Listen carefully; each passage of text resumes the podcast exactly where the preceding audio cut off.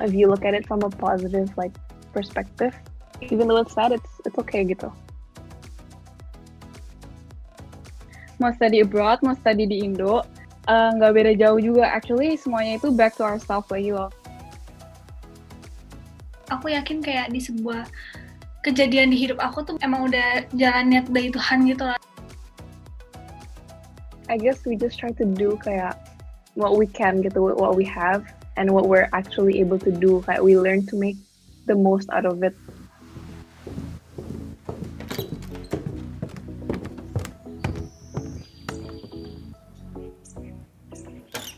So hi, welcome back to Inside Voices by MYA. Nah, jadi there's a little um, differences today. Jadi bukan Desin yang jadi hostnya, but it's me.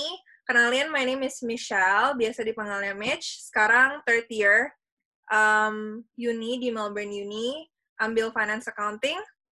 Terus now we have here with us, kita punya Cheryl, Isel, sama MF. Jadi you guys can go um, perkenalkan dirinya masing-masing. Uh, mulai dari Cheryl kali ya. Okay. Hi, uh, my name is Cheryl. Um, I'm a first year student di Melb Uni, belajar Bachelor of Arts Psychology. Terus uh, MF. Um, halo, nama aku Michelle Felita, panggilannya MF. Uh, first year, second semester, ambil graphic design di RMIT. Isal. Hai, nama aku Isel. Aku first year juga. Uh, second semester, terus ngambilnya jurusan economics. Hmm, Oke, okay. jadi as you guys can probably um, hear, um, mereka bertiga ini tuh sama-sama baru first year, second semester, which means kayak mereka tuh memulai semester mereka tuh semester lalu ketika pandemi ini mulai uh, ada di dunia. Nah, jadi today's topic uh, is that we're gonna talk about moving to Australia, specifically juga um, what are the challenges sih move to Aussie di tengah-tengah pandemi kayak gini, gimana semua sekolahnya tuh online. Nah, jadi let's start with the first um, question. Kayak why did you guys pengen kuliah keluar sih? Kayak what makes you guys pengen kayak kenapa nggak kuliah di Indo aja gitu? Kenapa mau keluar negeri? And specifically juga kenapa mau ke Aussie instead of um, ke negara lain? Gitu. Mungkin kayak jawabnya Cheryl, MF, Isel gitu aja kali ya disamain terus. Um, pertama because well I just wanna study kayak abroad because I feel like kalau study abroad bisa bikin lebih independent that's for one. Terus also because it's quite dekat sama Indo jadi kayak honestly ke sini gara-gara my parents wanted me to go here kayak cause also my brother di sini kan jadi my mom kayak ya kalau liburan I can just visit Melbourne terus kayak sekalian visit both of you guys mm-hmm. terus um ya yeah, sih and and here juga ada banyak Indo students and like a lot of international students jadi I think it's it made my like transition ke sini tuh way easier than if compared kayak misalnya I ke tempat lain like other than Melbourne gitu. Oh iya bener sih. Honestly kayak Melbourne orang Indonya lumayan friendly friendly mm -hmm. dan di mana-mana. Jadi kayak mm -hmm. kayak I agree if it would make the transition easier. Um, how about you, MF? Um, sama sih. Cuma kayak pas dulu SMA, actually my first apa ya sebenarnya my first uni yang aku mau itu sebenarnya actually di New York. Soalnya di situ ada satu uni yang khusus desain dan itu bagus banget kayak all atau Parson Iya, yeah, Parson University. Oh, like, okay. all, all design student pasti mau ke situ. And itu actually my dream. Cuma ternyata uh, kalau ke Parson kan jauh banget kan. Apalagi di New York. New York is a big city gitu loh. Jadi kayak susah buat adaptnya gitu. Jadi, and because my brother juga udah di Aussie, jadinya kayak my parents suruh aku ke Aussie. Terus cari-cari di sini, di Melbourne. Ternyata ada sekolah juga yang bagus di sini RMIT katanya buat desain juga bagus jadi akhirnya pilih ke sini tapi actually awalnya sebenarnya maunya ke New York jadi kayak Iya, Parson emang bagus sih ya. Kayak hmm. I've seen like a lot of design students juga cita-citanya mau ke Parson gitu. Iya. Yeah. Kalau Isal kenapa? Was planning to go to UK, cuman uh, gagal my dad gak ngebolehin karena terlalu jauh ya mungkin ya. Dan uh, apa namanya kalau misalnya di Melbourne itu ada kakakku juga yang kedua jadi lebih dipercaya untuk kayak pergi ke Melbourne terus kayak kenapa aku nggak milih Indo juga karena uh, aku mau mengeksplor lebih lagi kayak apa yang kata Cheryl kayak to be independent mau independent gitu hmm. jadi aku juga bisa belajar new cultures juga kan hmm. hmm, hmm, hmm. tapi jadi nih kalian bertiga there's kayak ada benang merahnya yang unik banget. Kalau kalian bertiga tuh awalnya nggak planning planning banget gitu mau ke Melbourne. Jadi mm-hmm. kayak it was such a coincidence. Kalau kalian bertiga yang tadinya mau ke UK mau ke New York sama Cheryl tadi mau ke Belanda ya? Was it? Ya kan Belanda. Yeah, yeah. mau ke Belanda terus kayak secara tidak sengaja ended up in Melbourne dan malah ketemu gitu. Iya. Yeah. jadi universe-nya bekerja Benar sih. Iya gak sih? Iya. Terus um, gimana nih? Kan first semesternya online, semuanya serba online. Um, pasti apa yang kalian expect dan apa yang kalian dapat itu I believe nggak mungkin lah ada yang udah ngira-ngira kayak oh ya nanti gue kuliah pasti online nih gitu kan nggak mungkin gitu that's not how you picture um, uni I hope jadi kayak what did you guys think gitu. Kayak pertamanya tuh kira kalau kuliah keluar tuh gimana sih? Kayak apa kayak di film-film? Apa kayak gimana? Kayak what's your expectation in the beginning? Hmm, expectation um I think kayak my expectation of uni and especially first year of uni kayak beda banget. Kayak it's not what I expect. Kayak especially last year kan aku sempet gap year kayak setengah tahun So I was really looking forward to moving to Melbourne, terus kayak um, starting uni, terus bikin teman-teman kayak road trip gitu. Um, tapi ya, this happened. I guess my expectation was just, iya kayak, um, iya kayak bikin teman sih. That's like for one. Like I just wanted to make a lot of friends, terus bikin new experiences with them gitu. Tapi hmm. I guess because of this pandemic, it created like a huge kayak pause kayak in all of our lives gitu. Jadi online deh kalau first semester and first year. Hmm, iya sih bener. Kayak kayak last time I was a mentor in Melbourne Uni. Jadi kayak I have mentees yang seangkatan kalian gitu loh masuknya. Terus kayak I was I I kept on telling them kayak really I couldn't really imagine kalau it was my first year, first semester yang kayak online gini, gue merasa apa gitu kayak I just can't imagine at all. And kayak there you go, there you are, kalian yang kena gitu. Terus gimana kalau MF?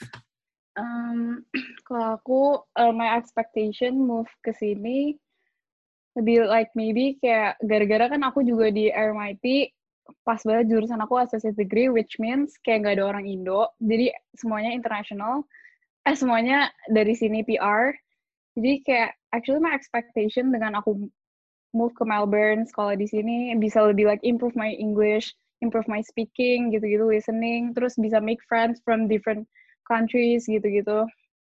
Kayak uh, temenan sama orang PR yang di sini. Cuma it turns out kan lockdown jadinya baru kayak maybe like two weeks, three weeks masuk uni, terus baru dapat satu dua teman, terus tiba-tiba lockdown jadinya ya.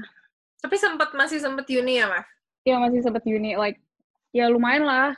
Apalagi kan desain kan sometimes kan kita butuh like tanya sambil tanya-tanya teman kan eh ini tugas ini gimana ya tugas ini gimana ya? Nah mm. untungnya waktu itu udah ada kayak three weeks maybe I think kayak bisa masuk jadinya udah dapet satu dua teman jadinya kayak sampai sekarang masih keep contact gitu even though kayak sekarang online jadi masih keep contact kayak eh, ini tugasnya gimana tugasnya gimana?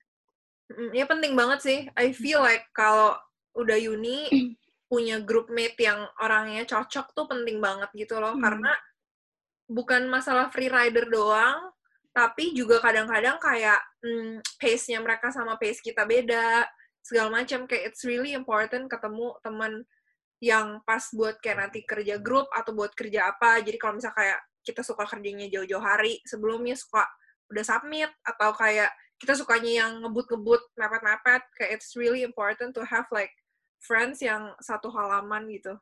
Iya, yeah, that's true. Ya kan? Jadi kayak I agree. Terus, how about you, Isel? Kalau aku, um, my expectation itu ketemu banyak orang juga kan yang kayak background-nya beda dari aku, terus different culture juga kan.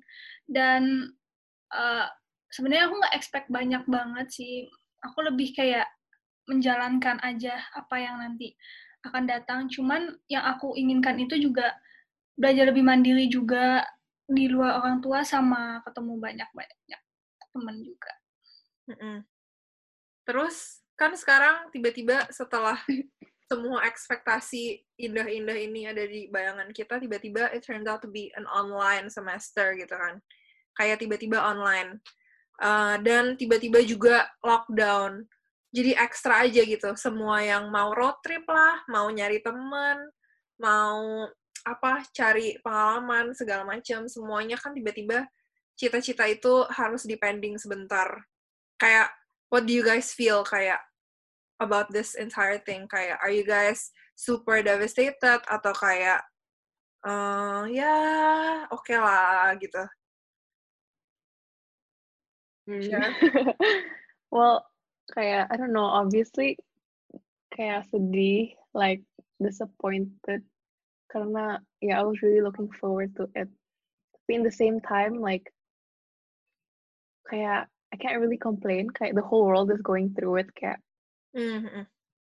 And I guess also untungnya kayak um, aku udah sempet like attend orientation terus udah attend like the first weeks of kayak classes di kampus. Jadi kayak already got to explore kampus terus kayak ketemu-ketemu like new friends juga. Terus juga sempet kayak ke gereja terus kayak ketemu you guys ketemu MYA gitu.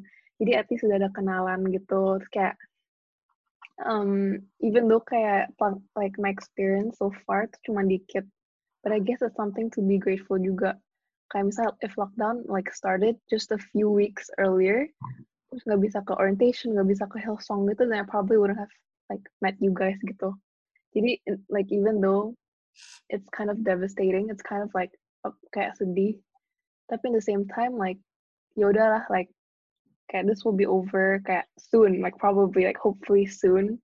Amin. yeah. And like kayak the whole world is going through it gitu. Jadi kayak bukan cuma kita and like kayak bahkan like there's so many people going kayak going through it in such a like much more worse condition gitu. Jadi I guess if you look at it from a positive like perspective kayak even though it's sad it's it's okay gitu. Maaf. Hmm, kalau aku jujur, I'm so sad pastinya gara-gara like ikut-ikut panitia jadinya kayak jadi ketunda gitu. Jadi kayak yang tadinya ke sini mau aktif juga ikut panitia ini, panitia ini, panitia ini. Eh udah masuk tahu-taunya jadi kayak batal, batal, batal gitu. Terus cuma ya actually kalau look at the positive sides emang banyak juga kayak misalkan jadinya dengan ada online class yang seharusnya maybe kalau misalkan dapetin feedback dari guru dari tugas gitu dapetin feedback kalau misalkan di sekolah eh di kuliah misalkan gurunya private ke kita gitu feedbackin kita satu-satu. Cuma dengan adanya online kayak gini jadinya kita dilatih buat ngomong di depan kelas. Jadi kayak dapetin feedbacknya di depan kelas jadi ngomong di depan kelas. Jadi I feel like every week tuh aku pasti presentasi di depan all people gitu loh. Jadi jujur aja like itu positif yang aku bisa ambil. Terus ya benar juga sih kata Cheryl jadinya gara-gara lockdownnya juga baru-baru ini juga jadinya kayak udah sempet ke Hillsong bisa meet you guys bisa ketemu MYA gitu-gitu bisa dapat perkumpulan which ya yeah, I'm I'm grateful juga gitu. Sal? Kalau aku awalnya lumayan sedih ya, tapi aku yakin kayak di sebuah kejadian di hidup aku tuh bakalan emang udah jalan niat dari Tuhan gitu lah. Terus kayak sebelum itu, sebelum lockdown bahkan orientasi ya, aku kan ketemu Cheryl juga. Kalau misalnya nggak lockdown, aku juga nggak mungkin ketemu MF. Jadi emang udah, maksudnya aku selalu syukurin apa yang saat ini kayak terjadi gitu sih. Gak terlalu masalahin kayak lockdown. Cuman ya sedih ya sedih, cuman di satu sisi aku bersyukur. Bener sih, kayak dulu tuh um, mau ngapa-ngapain tuh sangat gampang kayak mau ikut organisasi sekali ikut dua lah terus mau masih ada part time mau masih ada apa tuh kayak rasanya segampang itu. And I just feel like kalau for me personally kayak it feels like we all take it for granted. Kayak uh, kita nggak meng menghargai mesti kita menghargai sih cuman kita kayak nggak enjoy those little things yang kita bener-bener bisa lakuin dengan sangat gampang. Especially kayak rasanya sekarang udah sempat membaik gitu Melbourne-nya tiba-tiba sekarang kita lagi second pandemic, second bukan second lockdown ya, ini udah nggak tahu lockdown keempat, lockdown kemudian. Tapi kayak the fact that kita masih dapat sehat, masih dapat semuanya, paling nggak masih bisa sekolah walaupun online, kayak ya yeah, I feel like it's really something to be grateful about. Jadi kata kuncinya di sini adalah bersyukur gitu ya, kayak selama bisa bersyukur mau uh, online kayak mau lockdown kayak semuanya bisa dijalanin uh, gitu ya. Terus um, kayak next questionnya tuh kayak kalian nemuin masalah nggak sih kayak is there any challenges kalian online kayak uh, kayak nggak bisa ketemu guru atau mungkin malu nanya atau mungkin uh, jadi nggak gitu ngerti karena nggak fisik gitu nggak tatap tatap muka atau gimana? Kayak do you feel like is there any challenges? Atau kayak misalkan extrovert banget terus kayak aduh lockdown dikurung sendirian nggak ada roommate gitu misalnya kayak stress atau apa gitu. Is there anything like that that you guys face? Hmm, apa ya? I think yang the most ini is temen sih. Hmm. kayak back to friends again. Kayak because of this ya nggak bisa bikin teman gitu. Like bisa tapi kayak yang tadinya misalnya kayak kalau tutorial class kayak gampang tinggal ngomong kayak hey so are you uh, are you taking this class too? gitu. Tapi kayak sekarang malah jadi zoom right? So like it's kind of awkward if tiba-tiba you kayak private chat gitu kan jadi nggak bisa. Mm-hmm. so I think that's a huge kayak challenge is bikin temen ya yeah. ya yeah, atau apa lagi bener banyak sih. kayak, aneh sih kayak kalau di zoom tiba-tiba di tutor yeah. chat um, orang. Bahkan kayak di tutor aja nggak nyala kamera. Jadi kayak bahkan nggak lihat orangnya cuma lihat tutornya yeah. doang. Jadi kayak rasanya ada tapi nggak ada gitu. And also kayak the one you said before like kayak um, jadi maksudnya kayak jadi kayak kadang-kadang kurang ngerti tapi kayak you're not really maksudnya kayak kurang ngerti tapi kayak nggak or like you nggak berani speak up in class I think that's like a big challenge especially kayak Zoom class gitu terus kayak 20-30 orang for me personally it's like a huge like aduh kayak mm. pengen nanya tapi kayak aduh malu kayak gitu so iya yeah, iya yeah, yeah. I feel like I feel challenge. gitu kayak kalau mau nanya kadang-kadang takut kayak apa udah dibahas tapi mm-hmm. nggak dengar apa kayak, what would like the other students think gitu yeah, kayak yeah, it's my yeah, question true. kayak dumb gitu Iya sih benar. Terus kayak akhirnya gimana kayak how do you overcome the challenges? Atau belum di overcome? Belum nanya. uh, kayak I don't know ya. I guess not really, tapi kan baru semester satu. Like semester dua, hopefully I can get to be more kayak mm -mm. I guess like di kelas kayak kalau misalnya bener-bener nggak tahu then I'll just ask kayak I wanted to misalnya I want to try to step out of my comfort zone mm-hmm. in this next semester. Mm-hmm. But I actually have a little tip kalau misalnya malu nanya, you can wait until like the class is over. Terus kayak pas orang tuh kayak thank you, thank you, thank you, thank you, thank you. Mm. Nah that moment you started to ask the question. Karena kayak yeah, gitu semacam itu. Tapi kayak nggak um, beruntungnya adalah kalau misalnya that tutor has another class coming up just after your class, pasti dia bakal kayak just send me an email or something karena mm. uh, kayak I don't have time. Tapi kalau misalnya dia habis itu nggak ada tutor, biasanya akan dijawab. Cause I did that last time karena kayak tak bukan takut um, bukan takut malu sih, lebih kayak takut uh, buang-buang waktunya tutor itu loh. What if kayak mm. there's a lot of things yang um, had to be discussed terus kayak uh, kayak apa ya kita nanya panjang terus akhirnya jadi nggak kebahas gitu kan jadi malu sama teman-teman tutor lain jadi nggak enak nggak sih? So I guess ya yeah, that that that could probably work. Boleh dicoba. Kalau Mav gimana? Hmm, kalau aku sama sih I feel the same. Kayak awal-awal pas semester satu jadinya kayak malu kan. Apalagi kan I need feedback gitu lah emang harus ngomong sama gurunya kan. Cuma bedanya kayak sekarang nggak bisa private harus di depan kelas. Jadi kayak which means kita harus kayak bener-bener confident buat kayak ngobrol sama gurunya gitu. Awalnya kayak malu. Cuma lama-lama ya kalau nggak gimana? Kayak nilainya ntar diambang-ambang. Jadi I need that feedback gitu kan. Jadi kayak akhirnya kayak bener-bener kayak oke okay, I have to be confident. Kayak harus ngomong sama gurunya. Kayak lebih yang kayak oke okay, not to care what other things. Langsung aja kayak nyalain microphone-nya langsung aja ngomong sama gurunya. And ya sampai sekarang jadi kayak gitu sih. Kayak sampai sekarang jadinya kayak lebih confident lebih gitu. Jadi so far ada kayak gini online class actually kayak oke okay aja gitu. I mean like it's fine. Cuma jadinya lebih susah kayak mau nanya-nanya guru gara-gara harus di depan kelas gitu-gitu. And jadinya time-nya juga limited gitu kan. Nggak bisa kayak gurunya only for us tapi harus kayak barengan satu kelas gitu. Nggak bisa private. I see. Kalau Isal kalau aku um, uh, dengan adanya kayak online class gitu membuat aku lebih kayak lebih berani confident juga sih benar kata ya Michelle sama uh, Cheryl dan tapi yang aku uh, apa namanya aku sangat sayangkan adalah kalau ketika kalau misalnya pengen ke stop one itu aku ngalamin baru kemarin. Jadi aku pengen ke stop one tapi itu nggak bisa kayak face to face langsung gitu loh jadi emang harus lewat chat atau nggak lewat call. Dan aku lebih suka orangnya lebih suka yang ngomongnya face to face and then kemarin pas aku itu aku bener-bener kayak baru 9 kan bukannya chatnya jam 9 kan. 9.01 aku kirim chat aku queue number 40 jadi bener-bener kayak banyak banget. Terus kayak ya gitu deh itu sih yang aku iniin. Iya tapi stopan chatnya emang balasnya lama banget.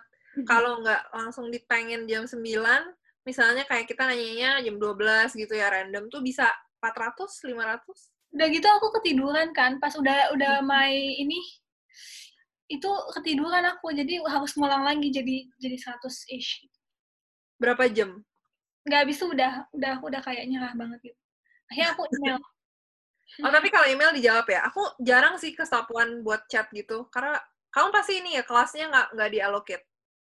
Iya tiba-tiba full kan semua total hmm. kelasnya. Jadi kayak sedikit panik sih. Sedikit panik kayak takut aku bener nggak bisa kayak allocate ke kelas itu. Hmm. Cuman akhirnya bisa. Bisa. Iya itu emang kerjaan one. Cuman one tuh uh, kalau yang live chat emang lama. Biasanya orang emang email. Cuman kalau email tuh gak tahu kapan dibales kan. Kadang-kadang orang butuhnya buru-buru banget. Jadi mau nggak mau nunggu deh tuh di live chat. Five days kan setahu aku five days. Mm -mm. Kalau live chat kan bisa hari itu juga. Cuman hmm. kayak nunggunya nggak tahu deh berapa jam. Ini hmm. mau, mau nambah. Ini pertanyaan iya. challenge challenge kan? Iya yeah, ya, yeah. silahkan. mau nambah kayak kayak another challenge was pas banget yang kayak kemarin kita baru liburan yang kayak ini mau baru libur terus kayak di announce yang harus lockdown yang kayak quarantine jadi kayak itu pas banget baru libur hmm. jadi kayak nggak sempet keluar keluar kayak malahan libur you spend it at home like hmm. alone gitu kayak daripada keluar keluar like kayak makan makan terus exploring Melbourne terus malah jadi liburan di rumah hmm. I think that was like also another challenge Iya, yeah, iya. Yeah. True tuh. Terus yang pas mau masuk semesternya lockdown yang lebih gila lagi. Iya, yeah, iya. Yeah. -uh. Jadi buat yang lagi dengerin podcast ini dan bingung kayak jadi Melbourne ini lagi kena second pandemic. Um, jadi yang pas bulan Maret kemarin bersamaan dengan seisi dunia lainnya kita emang lockdown, lockdown serentak seluruh Australia. Nah, terus baru sekarang ini kemarin Juli deh, bukan sekarang kemarin Juli tuh lockdown yang mm, di, diperketat lagi. Padahal pas bulan Juninya tuh sempat udah di uh, kendorin. Tapi Juli diperketat lagi karena angkanya mulai naik. Terus tapi setelah diperketat yang Juli tuh mungkin kurang efektif atau gimana. Jadi sekarang banget nih bulan Agustus diperketat yang lebih ketat lagi. Jadi kita cuma boleh keluar rumah tuh cuma boleh sendirian dan bahkan groceries cuma boleh one hour eh one person per household per day. Dan nggak boleh juga. harus yang dekat-dekat rumah aja. Jadi it's really a challenge kalau misalnya yang punya roommate paling nggak ya masih bisa gitu ya ngobrol sama roommate-nya. Tapi karena sekarang kalau orang yang kayak nggak punya roommate ya udah dia ngomong sendiri gitu karena nggak boleh ketemu orang kan nggak boleh uh, mengunjungi rumah orang lain juga. Nah, oh ya guys, juga buat kalian yang belum tahu, mereka bertiga ini uh, berteman baik yang persahabatannya positif dan ada hasilnya. Jadi mereka nih punya PO, ya kan guys? Jadi mereka baru, ini punya baru. bisnis PO. Uh, eh, menunya kemarin itu salmon mentai. Nggak uh, tahu ke depannya mau ada menu-menu lain atau gimana. Um, atau mau jadi spesialis mentai. Jadi, oke, okay, ceritain guys, kayak, what is this? Kayak, kenapa namanya Thrice Bowl, terus kayak, kayak what's the vision and mission behind it, kayak kenapa kalian mau bikin PO dan kenapa PO-nya mentai gitu. Bebas nih siapa yang mau cerita dulu nanti tinggal ditambah-tambahin. Oke. Okay. Eh, awalnya kita bener-bener yang kayak nggak kepikiran bakalan kayak buat ini gitu. Jadi uh, pas lockdown kemarin, kayaknya kemarin udah lockdown atau sempat nggak lockdown gitu. Uh, Cheryl sama MF suka main ke My Place kan, suka main ke My Place, terus kayak kita iseng-iseng ngobrol deh kita iseng-iseng ngobrol terus tiba-tiba uh, keluar pikiran untuk kayak buat PO gitu kayak tapi untuk visi misinya untuk uh, yang di Indonesia gitu orang-orang yang kayak kurang mampu di Indonesia. Jadi kenapa namanya Trice Ball juga kita sempat mikir sebelumnya bukan namanya bukan Trice Ball gitu. Sebelumnya namanya ya ada namanya cuman gak-gak kayak mikir kayak apa ya yang bisa kayak unik gitu dan menggambarkan kita. Itu kan kayak karena kita bertiga kan. Jadi dia namain Thrice terus kayak kita milih bowl terus kayak Thrice bowl follow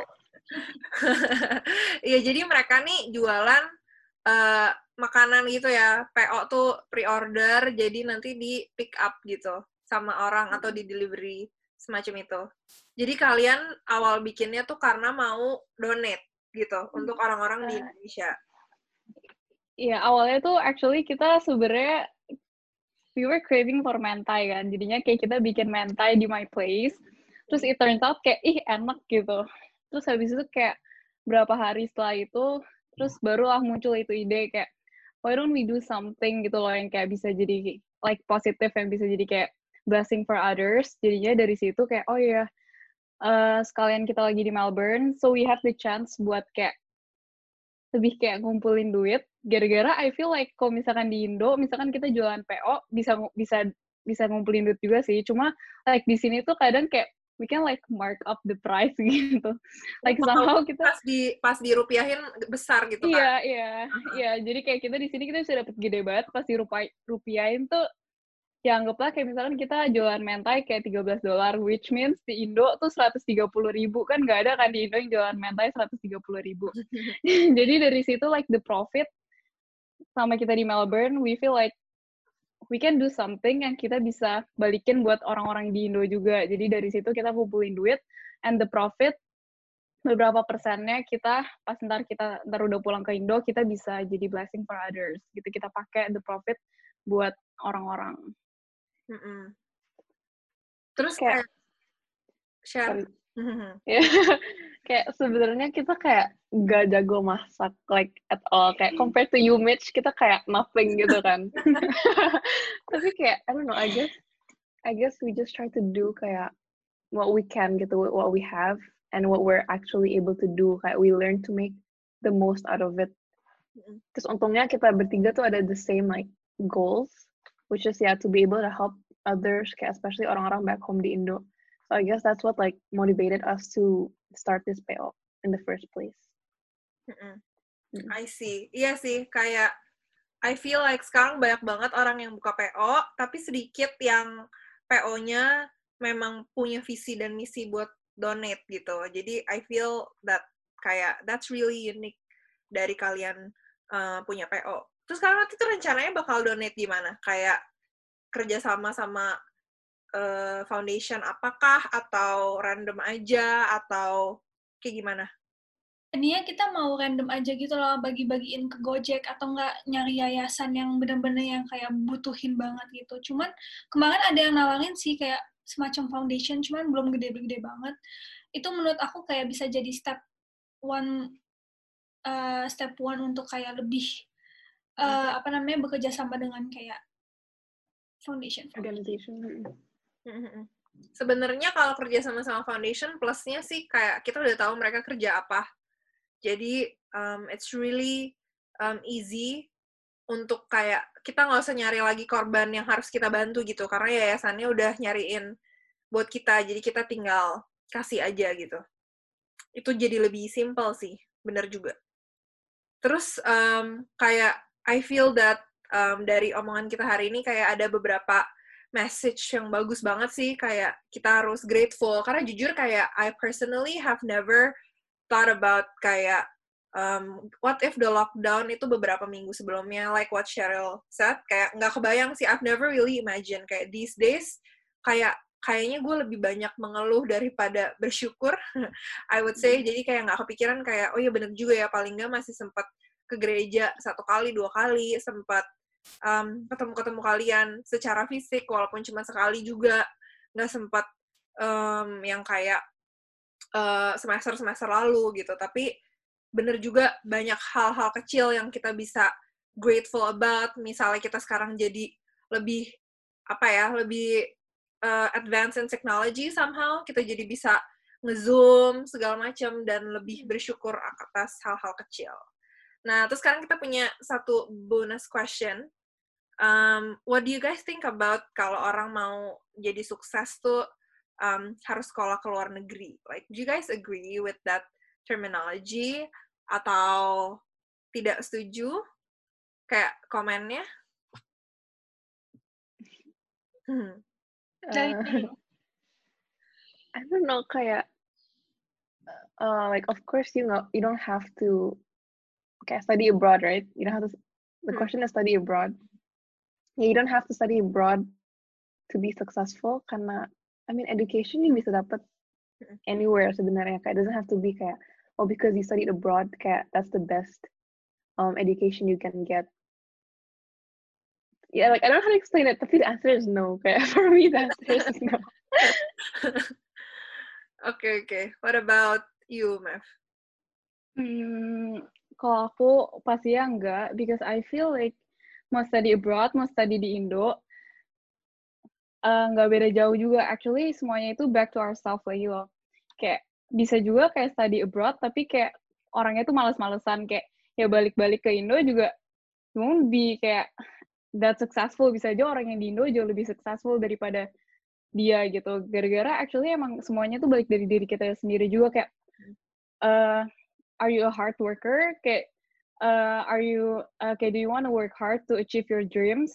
Sebenarnya lebih kayak gitu sih. Jadi kayak education ya benar kata Cheryl juga kayak bisa didapetin dari mana aja. Kalau misalkan emang dari diri sendiri emang udah hard worker mau mau udah set goals and mau kita accomplish gitu kayak di Indo pun kayak we can do that gitu loh. Nggak usah jauh-jauh harus ke luar negeri gitu-gitu. Cuma maybe emang ada plus minusnya kalau sekolah di luar negeri. Maybe kayak bisa tingkatin your English, bisa kayak ketemu orang-orang lain yang dari beda countries gitu-gitu, lebih dapat pengalamannya, gitu-gitu sih.